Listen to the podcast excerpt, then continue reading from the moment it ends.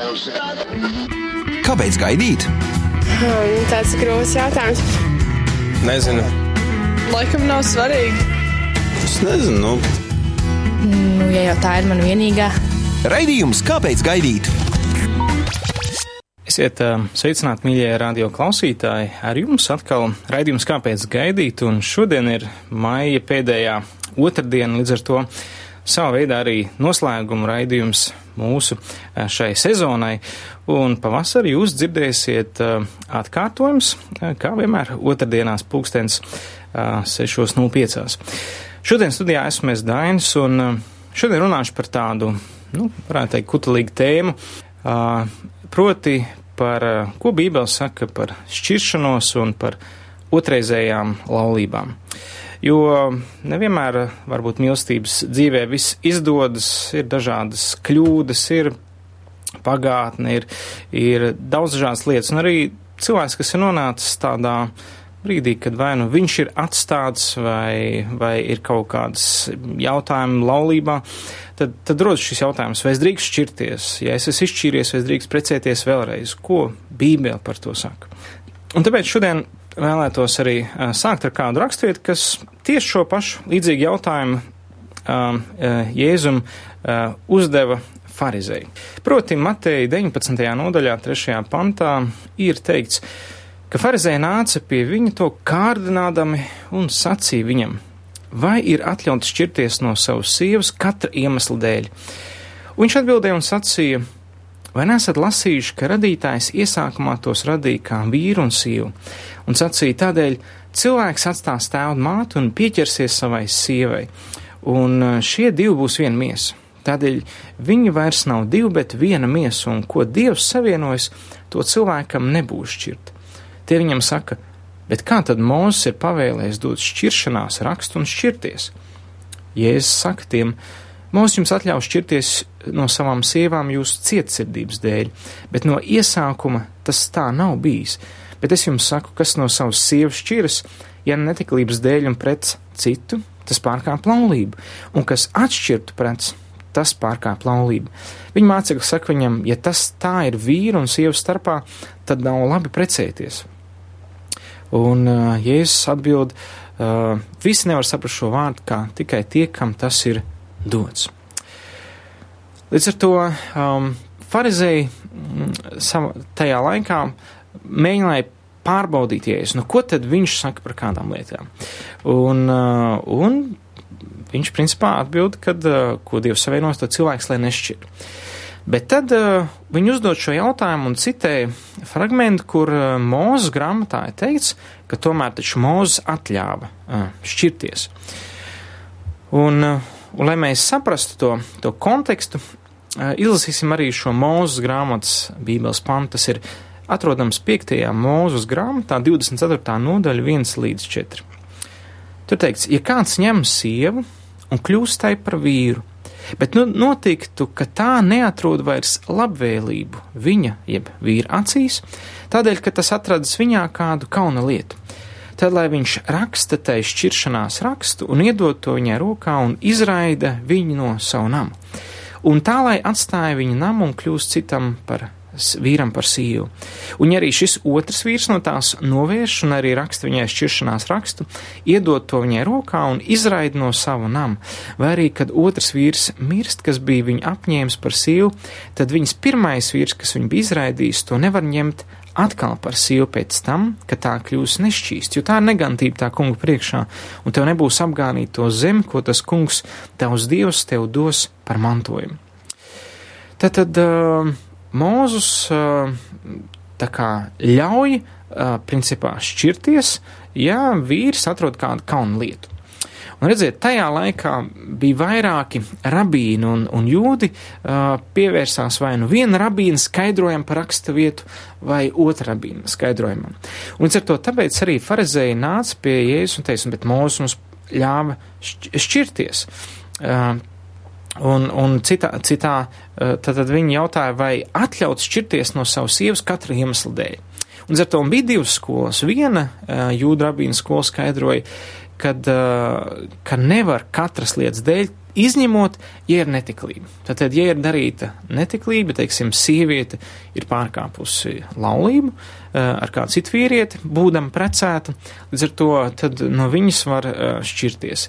Savukārt cita skola jūda atkal teica, Nē, jā, mēs saprotam tā, ka, ja atrod kāda kaunu lieta, tas ir jebkura veida lieta. Nu, pieņemsim, viņa pārāk bieži piededzina ēdienu, vai viņa uh, nekad uh, tur, nezinu, ne, netaisa skaistas frizūras vai jebko, ko vīrietis uzskata par kaunlietu. Un līdz ar to bija divas šīs skolas arī Jēzus laikā, un, un līdz ar to viņi uzdod fa farizēju jautājumu, vai drīkst šķirties tā vai tā dēļ. Un Jēzus diezgan skaidri tomēr saka, kas no savas sievas šķirs, ja ne netiklības dēļ, un pret citu tas pārkāp laulību. Tā principā, ja es tomēr parāda netiklību, tad varētu būt viens no iemesliem, kāpēc nu, laulība varētu tikt šķirta. Taču interesanti šis vārds netiklība. Tur, tur lietots grieķu vārds porneja, kas nozīmē jebkura veida nešķīsta seksuāla darbība, jeb dzīve. Tad tas nav tikai pārgulēt ar uh, citu sievieti. Tas var būt saistīts arī nu, ar citādām seksuālām izvērtībām. Nu, pieņemsim, pedofīliju vai homoseksualitāti vai um, zoofīliju, jebkāda cita veida nešķīstību, dēļ kuras šī sieva um, pri, principā, uh, jeb šis vīrietis var šķirties no sievietes. Um, Marka evaņģēlijā Jēzus runā arī, kad sieva var šķirties, bet tas ir runāts Marka un Lūkas evaņģēlijā, kas vairāk, kur mēķa auditorija varētu būt arī e, pagānu tautas, jo grieķiem, romiešiem sieva varēja pieprasīt šķiršanos, bet jūdi, jūdu sievas nevarēja pie, pieprasīt šķiršanos izšķirt varēja laulību tikai jūdu vīrietis. Tātad uh, nozīmē, ka sievietes savā veidā bija nu, tādā otrajā pozīcijā. Uh, un, uh, un līdz ar to Jēzus, lai kaut kādā veidā mm, parādītu viņiem to principu, ka ideja Dieva ir tāda, kā Ādam un Ievai. Viņi bija kopā un vairs nešķīrās. Tas ir tas iesākums šablons, tas ir tas piemērs, ko ja es mēģinu pateikt, ka tā tas ir Dieva oriģinālā ideja laulībai. Jāprecās, tad tas ir uz mūžu. Un ar to derību ir, ir mūžīga lieta. Tā savieno, ja, protams, nav netiklība, jo tādā veidā šī derība ar šo cilvēku tiek salauzta. Otrs, ja iestājas arī, protams, nāve. Taču ir, runāsim arī par dažādiem iemesliem, kur kādas šķiršanās uh, iemesli var būt uh, un redzami ir arī Bībelē.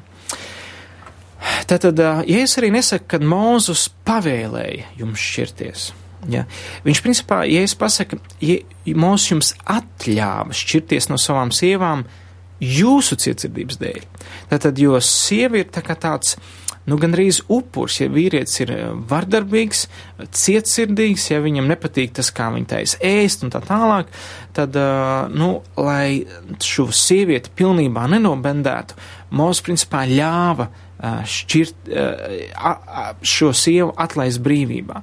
Tātad, šī šķiršanās bija diezgan vienkārša. Vīrietis uzrakstīja rakstu, tātad es no tevis šķiros, iedod sievietei, iedod viņas čemodāns un, uz redzēšanos. Tik ļoti viegli patiesībā tajā laikā varēja izšķirties vīrietis no savas sievas. Protams, viņš nevarēja izšķirties divos gadījumos. Patiesībā ir vairāk gadījumu, kuros nevarēja izšķirt. Tātad pirmais gadījums ir, ir ja, teiksim, nevarēja izšķirt, ja otrs, tātad, ja vīrietis aprecējis ir sievieti, Un viņš grib šķirties no viņas, tāpēc, ka, nu, restīvi, viņš saka, ka viņa nav bijusi nevainīga laulības dienā. Uh, tas šie ir šie pierādījumi, tajā laikā, kā, tad sieviete nes sevī derības asins, un pirmajā intīmā reizē šīs asins tiek izlietas kā zīme, kad, uh, kad, uh, kad vīrietis un sieviete slēdz derību, asins derību savā starpā.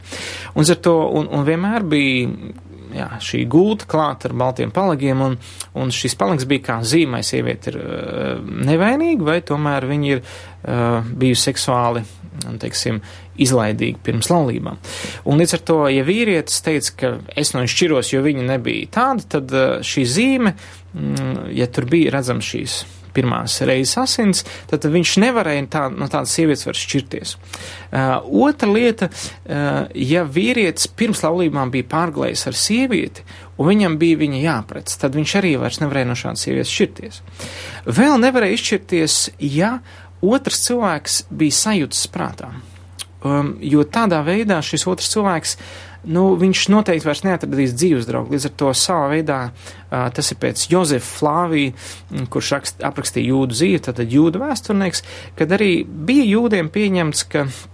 Jā, nevar izšķirties, ja cilvēks bija otrs sajūtas prātā, bija jārūpējas par to otru cilvēku. Un tāpat arī, pieņemsim, vīrs kaut kur aizceļo, un, un nenāk gadu, divus, trīs, un, un sieviete nevar tā vienkārši no viņa izšķirties, ja nav pierādījumi, ka viņš nav miris. Tad jābūt diviem, trīs lieciniekiem, kas apliecina, jā, tavs vīrs ir miris, un tādā veidā šo laulību var uzskatīt par šķirtu. Bet principā te nevarēja, nevarēja iz, izšķirties. Uh, un līdz ar to Mūzus pavēlēja šķirties, bet piekāpjoties, piekāpjoties. Un, uh, un Un ar to, bet kas tad notika? Tad jūdi vispār neuzskatīja tā, ja izšķirās, ka nedrīkst otrais precēties. Tad, principā, pēc būtības Jēzus viņiem pasaka kaut ko jaunu. Tad, jūdi pazuda, ja, ka mēs lasām jauno darību, Jēzus saka, uh, jūs sakat, ka nedrīkst nokaut, bet es jums saku, pat dusmot nedrīkst. Vai jums, jums ir teiks, nebūs laulība pārkāpt, bet es jums saku, jums pat savā prātā jūs nedrīkstat viņu iekārot. Un tāpat arī Jūda saka, nu, Mūzes mums atļāva šķirties, ja es saku, ja jūs šķiraties un preceties otrais, jūs pārkāpjat laulību. Tātad Jēzus standarti, jeb Dieva oriģinālie standarti bija daudz augstāki nekā tajā laikā bija.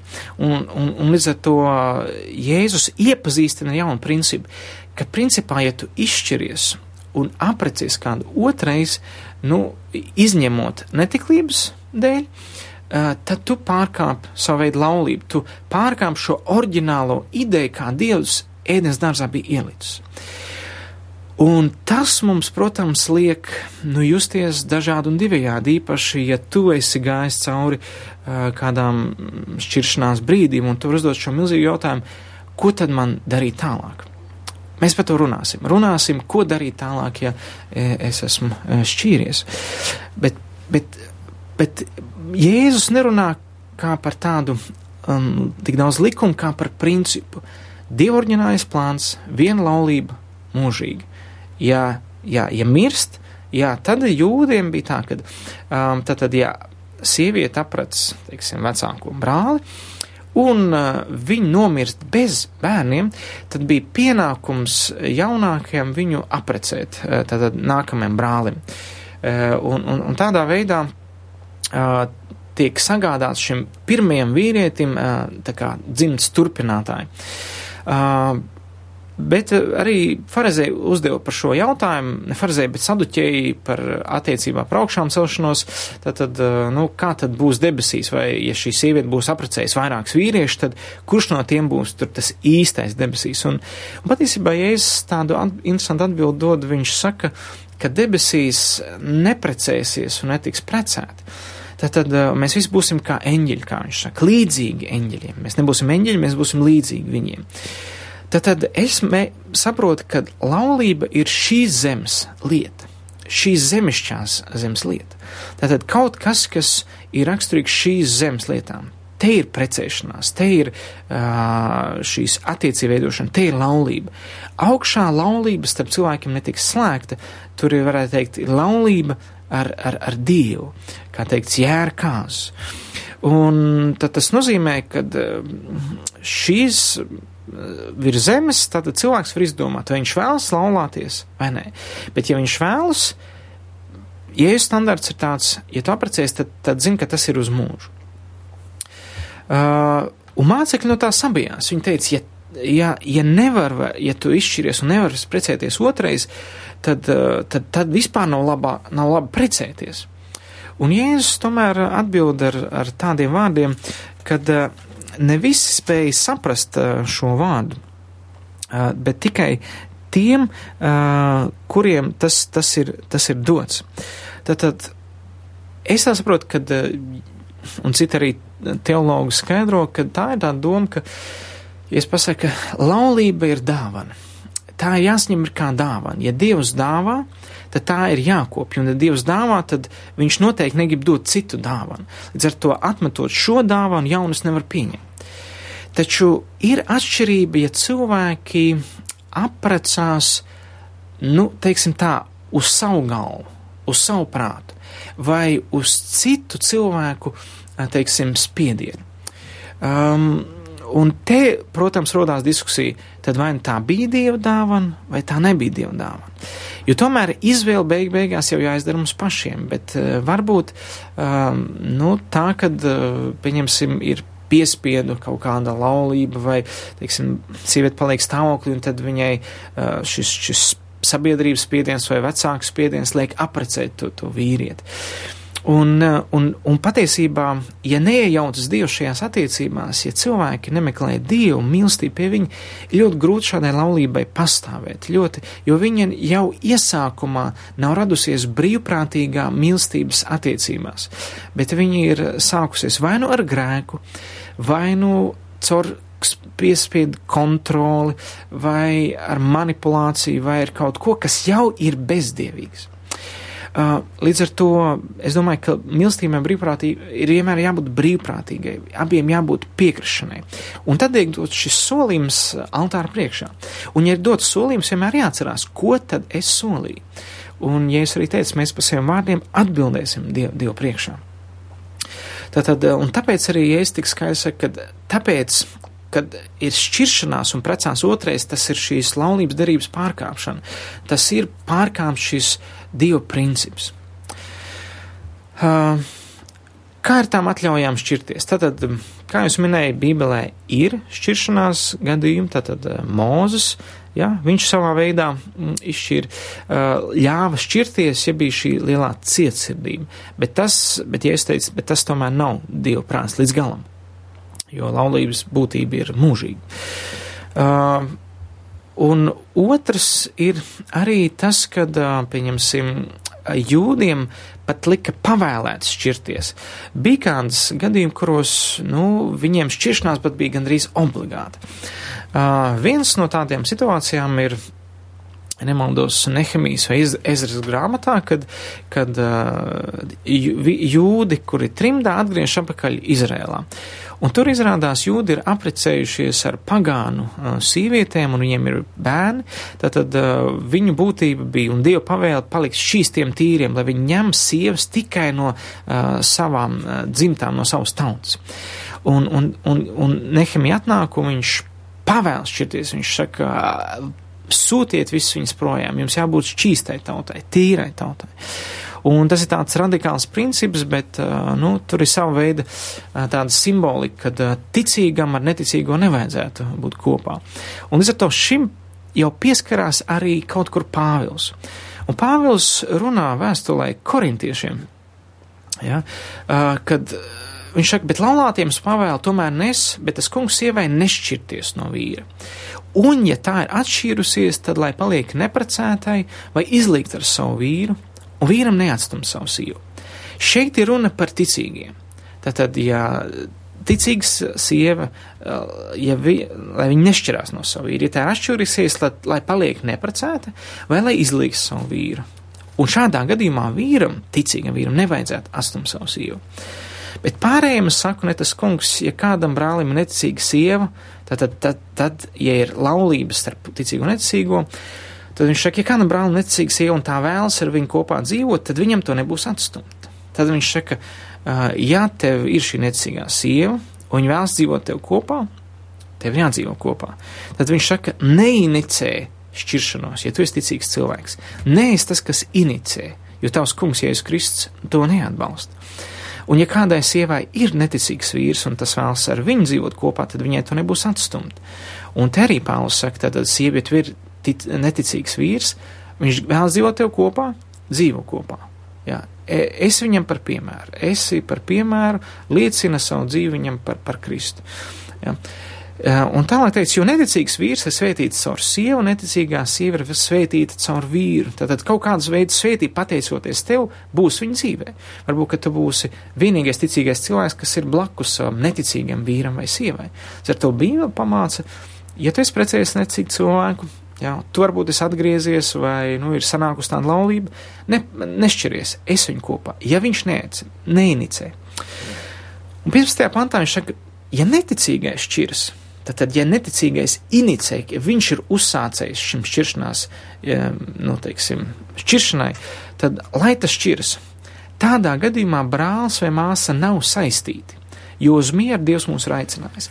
Tad, tad savā veidā tad, tad, viņš saka, nu, tad, vai, tu neesi saistīts ar viņu, tu neesi jau garīgi neesi vienots, un ar to, ja viņš aiziet prom no tevis, nu, tad, tad, lai viņš, tad lai viņš iet, jo uz mieru Dievs mūs ir aicinājis. Uh, un kā tu sieva zini, vai tu varēsi izglābt savu vīru, jeb kā tu vīrs zini, vai varēsi izglābt um, savu sievu. Tātad uh, ir cilvēki, kas ir um, laikam tajā laikā, kuram bijis neticīgs partneris, un neticīgais partneris grib iet projām, un, un, un, un šis sieva saka, nē, es gribu viņu paturēt, es gribu viņu būt ar viņu kopā un tā tālāk, bet iespējams laikam bija kādas varbūt neveiksmīgas um, situācijas, kad Pāvils saka, nu, lai, lai jau viņš iet, lai jau viņš iet.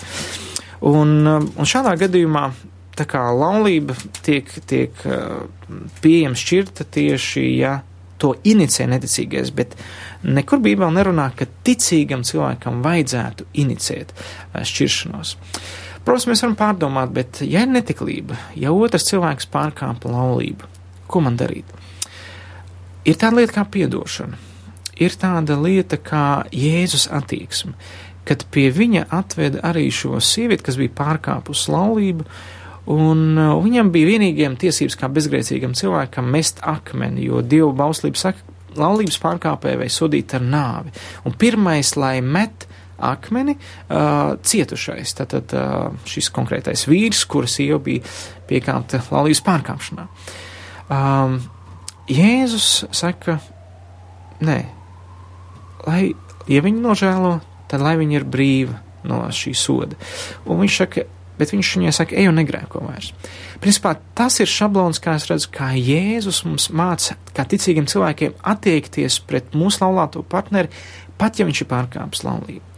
Vai tas nozīmē, ka uh, mēs, mums uzreiz uh, atnāk uh, ticība, uh, ka viņš nu, mainīsies vai uzticība?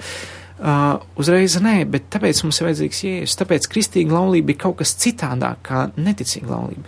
Kristīga laulība balstās uz trīs personībām. Kristus ir ģimenes galva, tad ir vīrs un tad ir sieva. Uh, līdz ar to noteicēm jābūt ir kristum par šo, šo laulību. Tad, tad nu, nevar atrast rakstos, ka ticīgiem vajadzētu būt pilnīgs attaisnojums šķirties, bet drīzāk, lai izlīgtu ar vīru. Tātad 11. pantā, 1. korintiešiem 7.11, ja, lai izlīgst savu vīru, lai, lai piedod, lai pieņem atpakaļ. Tā ir labāk. Uh, protams, ir dažādi izņēmumi. Ir dažādi izņēmumi. Uh, kā tad, uh, kā tad uh, uh, ir, kādā, kas, kas, ko mēs varētu par papildus šķiršanos skatīties? Tad tajā laikā, kā jau minēju, vīrietis vienīgais varēja inicēt tātad jūdu kultūrā tikai laulības šķiršanu. Līdz ar to sieviete pat nevajadzēja viņai piekrist. Vienkārši vīrietis viņai saka, ej. Ja vīrietis, teiksim, ja, vīriet, ja sieviete grib izšķirties, gribēja jūdu kontekstā no vīrieša, viņa gāja pie tiesas, pie Izraēla jūdu tiesas, un, un bija kādi gadījumi, kur viņa varēja pieprasīt, teorētiski pieprasīt tiesai izdarīt spiedienu uz vīru, lai viņš tomēr viņu atlaiž. Um, kas tie bija par gadījumiem? Tad, tad to arī raksta visu Jozefs Flāvijs.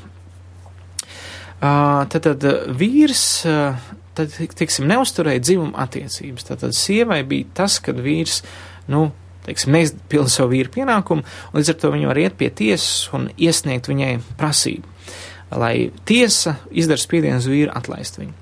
Otrs, ja vīrs nespēja uz, uzturēt sievu, ne, nevarēja finansiāli nodrošināt, un tā ir tā laika kultūra. Tad mums jāskatās, ka tas nav bi, bi, bībelē nekur redzams par šiem principiem, bet tā ir tā laika kultūra, un mūsu kultūrā var būt sa savādāk, jo mūsu, mūsu kultūrā ir daudz darba vietas, un līdz ar to, nu, sieva nevar vienkārši manipulēt ar, ar to, ka, nu, red vīrs, tu man neuzturi, tagad es tev atlaižu. Jo mēs apskatām plašāk, redzam, kā tas ir bijis realitātei. Eh, vēl sieva varēja iet pie tiesas un, un pieprasīt tiesā izdarīt spiedienu uz vīru šķiršanos, ja viņam bija kāda pretīga slimība, teiksim, spitālība, jo tajā laikā tas skaitījās ļoti nešķīsts, un tiesa varēja, nu, teiksim, pieprasīt vīram atlaist savu sievu, tāpēc, ka viņš ir spitālīgs. Uh, un vēl dažādi tādi iemesli, kas saistījās arī ar kādiem, nu, teiksim, re, reliģisku nešķīstību.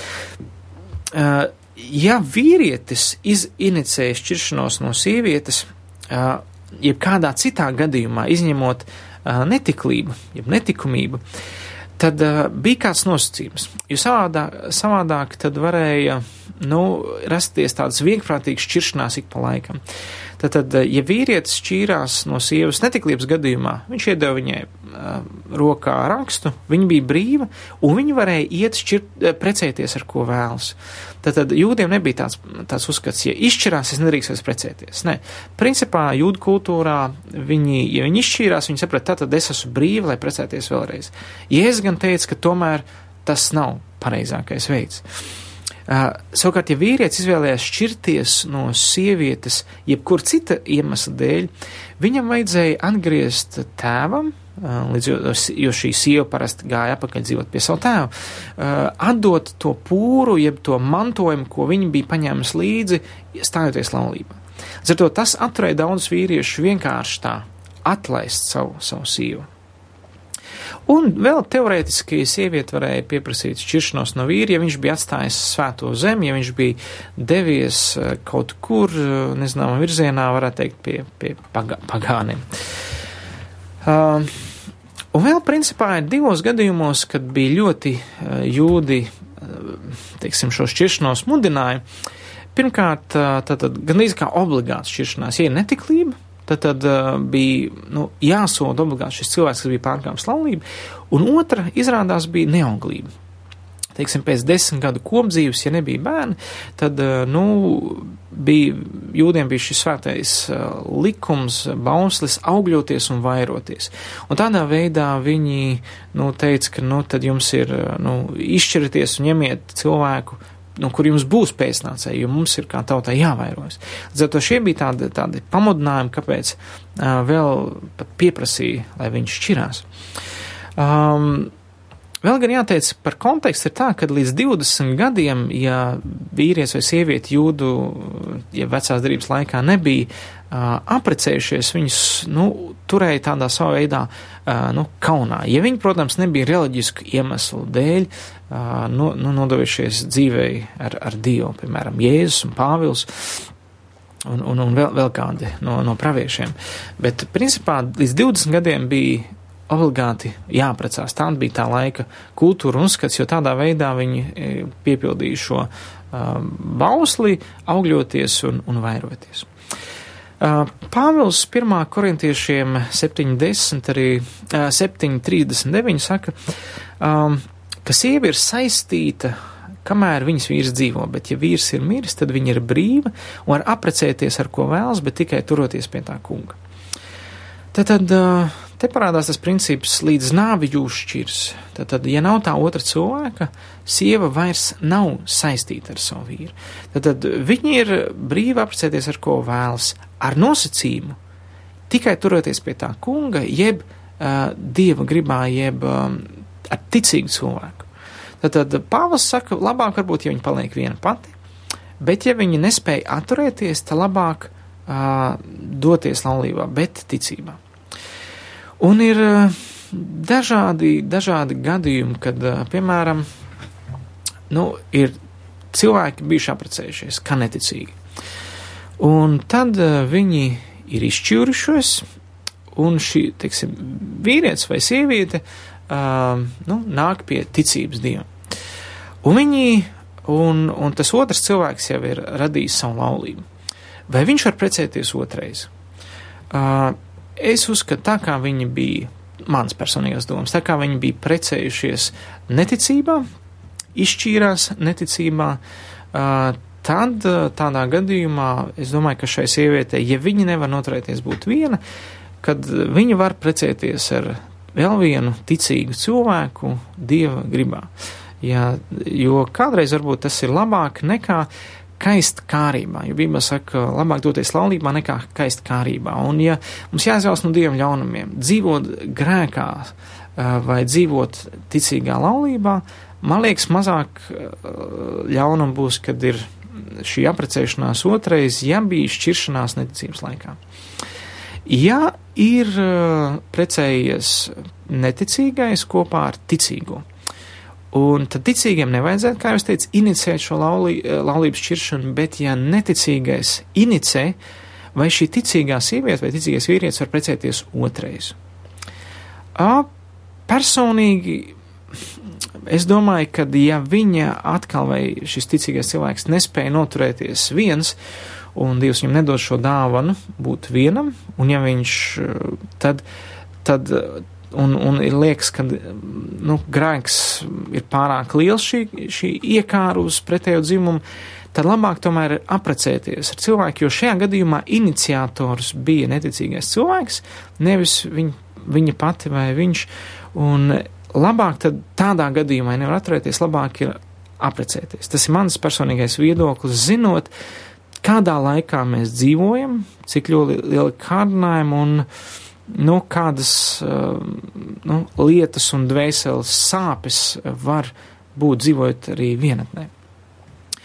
Uh, Bībeli saka, ja cilvēks ir šķīries netiklības dēļ, laulības pārkāpšanas dēļ, tad arī viņš nav savā veidā vainīgs. Uh, tad, tad otrs ir salauzis ar savu grēcīgo dzīvi šo laulības derību. Tādā gadījumā es domāju, cilvēks, kurš šķīries netiklības dēļ, restīvi no viņa ir aizgājis, otrs. Protams, ideālais variants, ka ir lūgt, ka tas cilvēks atgriežas. Bet, ja var redzēt, ka tur nevar, un, un Dievs sirdī dod mieru apprecēties ar ticīgu cilvēku. Es pieļauju, ka arī tas būtu viens no variantiem, zinot, ka laulība ir tikai šīs zemes lieta, un tas var pasargāt no nu, nevajadzīgām dažādām sekām, kārdinājumiem, kas ir nelaulātiem cilvēkiem. Um, Interesanti, ka uh, ir kāda raksturvieta Jeremijas grāmatā 3.7, kur pats Dievs savā veidā iedod šo šķiršanās uh, rakstu uh, savai tautai. Uh, tur ir teikts, es gan domāju, ka viņa to visu nodarījusi, atgriezīsies pie manis, bet tā neatgriezās. Viņas neuzticīgā māsa Jūda to arī skaidri redzēja. Bet kaut gan tā redzēja, es atlaidu neuzticīgo sievu Izrēlu viņas netiklības dēļ un devu tai šķiršanās rakstu. Jūda viņas neuzticīgā māsa neņēma to pie sirds, bet gan gāja un tāpat nodevās uh, netiklībai. Un uh, līdz ar to viņš saka, ka viņš savu tautu uh, dod viņai šķiršanās rakstu. Viņš saka, es, es vairs par tevi, tu esi laulus, lauzas derība, neusticība, es šķiros no tevis. Taču vienmēr, lasot tālāk, mēs redzam, ka Dievs tomēr grib pieņemt atpakaļ. Dievs tā kā aicina pieņemt atpakaļ. Dievs vēlas atjaunot šīs attiecības. Un tā ir tā, tā sirds, ko, ko, kas vajadzētu būt mums, dot otro iespēju, dot otro cerību. Un vienmēr ir otrā iespēja, vienmēr ir, varētu teikt, kārtēja iespēja.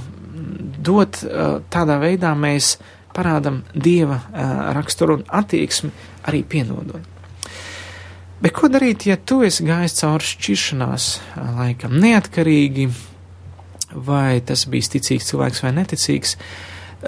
Tu esi gājis cauri sāpēm, jo šķiršanās, kur ir vienmēr nes līdzi sāpes, jo tās bija savienošanās garā, dvēselē un miesā. Tas nav savienošanās tikai miesā tā ir savienošanās dvēselē, jo ir bijušas sarunas cilvēcīgas, emocijas, tavā smadzenēs ir šīs atmiņas, attēli, sajūtas, um, un jūs bijuši garīgi vienot. Um, kā Pāvils kas biedrojas ne tik viena miesa to, kas turas uh, pie tā kunga, ir viens gars ar to. Un, un līdz ar to Uh, viena miesa, tur lietot šis vārds uh, soma, uh, kas nozīmē uh, uh, dvēseli, gars un miesa. Tātad uh, jūs esat viena miesa, viens gars, viena dvēsele un viena miesa bijis kopā, un jūs nevarat bez sāpēm vienkārši šķirties. Līdz ar to iespējams, ka tu nes sevī kādas šķiršanās sāpes. Arī pat, ja tu neesi bijis precējies, iespējams, tu joprojām vari turēt sevī šīs sāpes. Ko darīt? Eh, pirmkārt, eh, ir vajadzīgs piedot otram cilvēkam. Piedot, ka vai nu viņš atstāja, vai lūgt Dievam piedošanu, kad es atstāju viņu, ja tu biji iniciators, tu biji vainīgs, eh, ka tu otru esi sāpinājis. Tad, um, svarīgi, ka tu piedod, vai arī tev jālūdz piedošana. Pirmkārt, Dievam. Um, tad ir ļoti labi uh, un vajadzīgs uh, nest visu šīs sāpes Dievu priekšā. Uh, Bībelē teica, ka, ka viņu, Jēzus uzņēma visas sāpes, mūsu sāpes pie krusta. Ne tikai mūsu grēks, bet arī mūsu sāpes. Līdz ar to viņš var dzirdināt mūsu iekšējo cilvēku, mūsu personību. Viņš nāk dzirdināt sagraus sirds.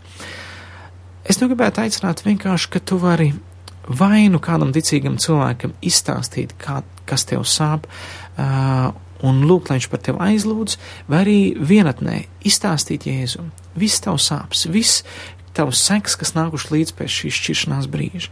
Jo tomēr tas ir ietekmējis tev, tomēr tas ir nācis tev līdzi, un būs ļoti grūti izveidot jaunas attiecības, ja Dievs to ir paredzējis, mm, ar šīm sāpēm. Ir labi atdot, atlaist šos grēku parādus, ir labi Uh, lūgt Jēzum dziedināšanu. Nevis, es nepiekrītu tā, tādai frāzē, ka laiks dziedina visu. Jā, ir lietas, ko laiks palīdz aizmirst, bet, bet nevar aizmirst atmiņas, kuras vēl joprojām sāp. Tās ir jādziedina. Un tās var dziedināt Dievs caur svēto garu, caur ticību Jēzum Kristum. Um, trešā lieta, ko tu vari darīt, tad viens ir piedot un lūgt piedošanu, otrais ir izstāstīt savus sāpes Dievam, nest, jeb kā 62. psalmā teikts, izskatīt Dievam, uh, Dievu priekšā savu sirdi, uh, izskatīt un uzticēt Viņam savu sāpes. Trešā lieta Tu lūk, lai Dievs tevi, nu, teiksim tā, tad garīgi un vēsturiski atdala no šī cilvēka. Uh, kad uh, varētu teikt, nu, es to saucu par tādām attiecību saitēm, dvēseles saitēm, kā Bībele saka, ir miera saite, mīlestības saite, bet arī ir, ir cita veida saites. Tās, tās ir attiecības, attiecības, kādas man bijušas. Un, un ja garīgi, dvēseliski tu vēl varbūt tik ļoti pieķeries pie tā cilvēka, ka tev vienkārši ir jādod un jāsaka, Dievs, ņem šo cilvēku, paņem prom no manas dzīves. Es viņu nesvēršu kopā, es negribu, lai uh, man, man joprojām viņš ietekmē manu dzīvi. Un, labi vienkārši lūgt Dievs atdal man garīgi un, un arī dvēseliski, jo miesīgi jūs vairs neesat kopā, bet garīgi dvēseliski jūs vēl varat būt vienot. Vienkārši atdot šo cilvēku uh, Dievam. Un, uh, un, un, un tad teikt, Dievs, ja tu gribi, lai es dzīvoju, atlikšu dzīvi viens, tad dod man dāvanu un spēku, un dod man tādu aicinājumu, lai es to varu izdarīt. Bet, ja nē, tad dāvā man šo dzīves draugu, dāvā man draugu vai draudzeni, ar kurus var stāties tevis norādītā kristīgā laulībā. Bet tad tev ir jābūt gatavam, ka tad tas ir uz mūžu, ka tu nevari iet pēc principa, oh, precos izšķiros, precos izšķiros, jo tomēr par katru lietu būs jāatbild eh, Dievu priekšā. Un es vēlētos vienkārši noslēgumā, noslēdzot šo raidījumu, aizlūgt par tevi. Ja tu esi gājis cauri šķiršanās sāpēm, ja tu esi gājis šim procesam cauri, varbūt tu esi kādā brīdī šobrīd uh, ka tu šķiršanās robeža. Dievs var visu labot. Nevajag steigties ar šķiršanos. Ja tu esi ticīgs cilvēks, tev nevajag to inicēt. Nevajag to inicēt. Tev vajag uh, vienkārši darīt no savas puses, ko tu vari kalpot otram cilvēkam, lūgt par viņu mīlēt. Bet, ja tu jau esi izšķīries, mēs varam, es gribētu vienkārši lūgt par tevi, Dievu. Debes Tēvs, Kungs, tu redzi šo cilvēku. Kungs, tu redzi, kā, kā var sāpēt, Kungs, jā, šī pagātne, šīs attiecības. Kungs lūdzos par tiem, kur varbūt gājuši cauri nodevībai. Palīdz piedot Jēzu, palīdz piedot tāpat kā tu piedevi jūdam, palīdz arī viņiem piedot, kungs, šo nodevību. Kungs, ja viņi paši bijuši iniciatori, es lūdzos, kungs, ka tu piedod viņiem, kungs, un māci viņus staigāt pa tavu ceļu, kungs, un būt uzticamiem solījumiem, ko viņi devuši tavā priekšā. Kungs, lūdzu, ka tu, jā, šķīst svētās asinīs un dziedini visus sāpes, sāpes, kas radušās šķiroties no otra cilvēka. Un, kungs, es lūdzu, lai tavs gars piepild visu šīs tukšās vietas un atdala no tā otra cilvēka. Atdala, kungs, lai, jā, tu esi, re- viņi ir vairs nevar būt kopā. Ir vairāk iemesli, kāpēc. Tad uh, dod viņiem mierinājumu kopā ar tevi. Bet, kungs, bet ja viņi nevar palikt vienatnē, tas lūdzos, kungs, dāvā draugu, dzīves draugu, ticīgu, kas būs uzticams tev, lai varētu staigāt mierā šeit virs zemes, kungs, un savaldīt savu miesu, pateicoties otram cilvēkam. Kungs, un dod savu svētā gara spēku visās lietās, un pāri visam, lai ir tavs miers, tava mīlestība un žēlstība Jēzus Kristus vārdā. Āmen! Šis bija raidījums Kāpēc gaidīt? Klausies to katru otrdienu, pulksten 18,5 minūtēs Latvijas kristīgā radio ēterā vai arī jebkurā tevērtā laikā internetā www.īsta mīlestība gaida LV.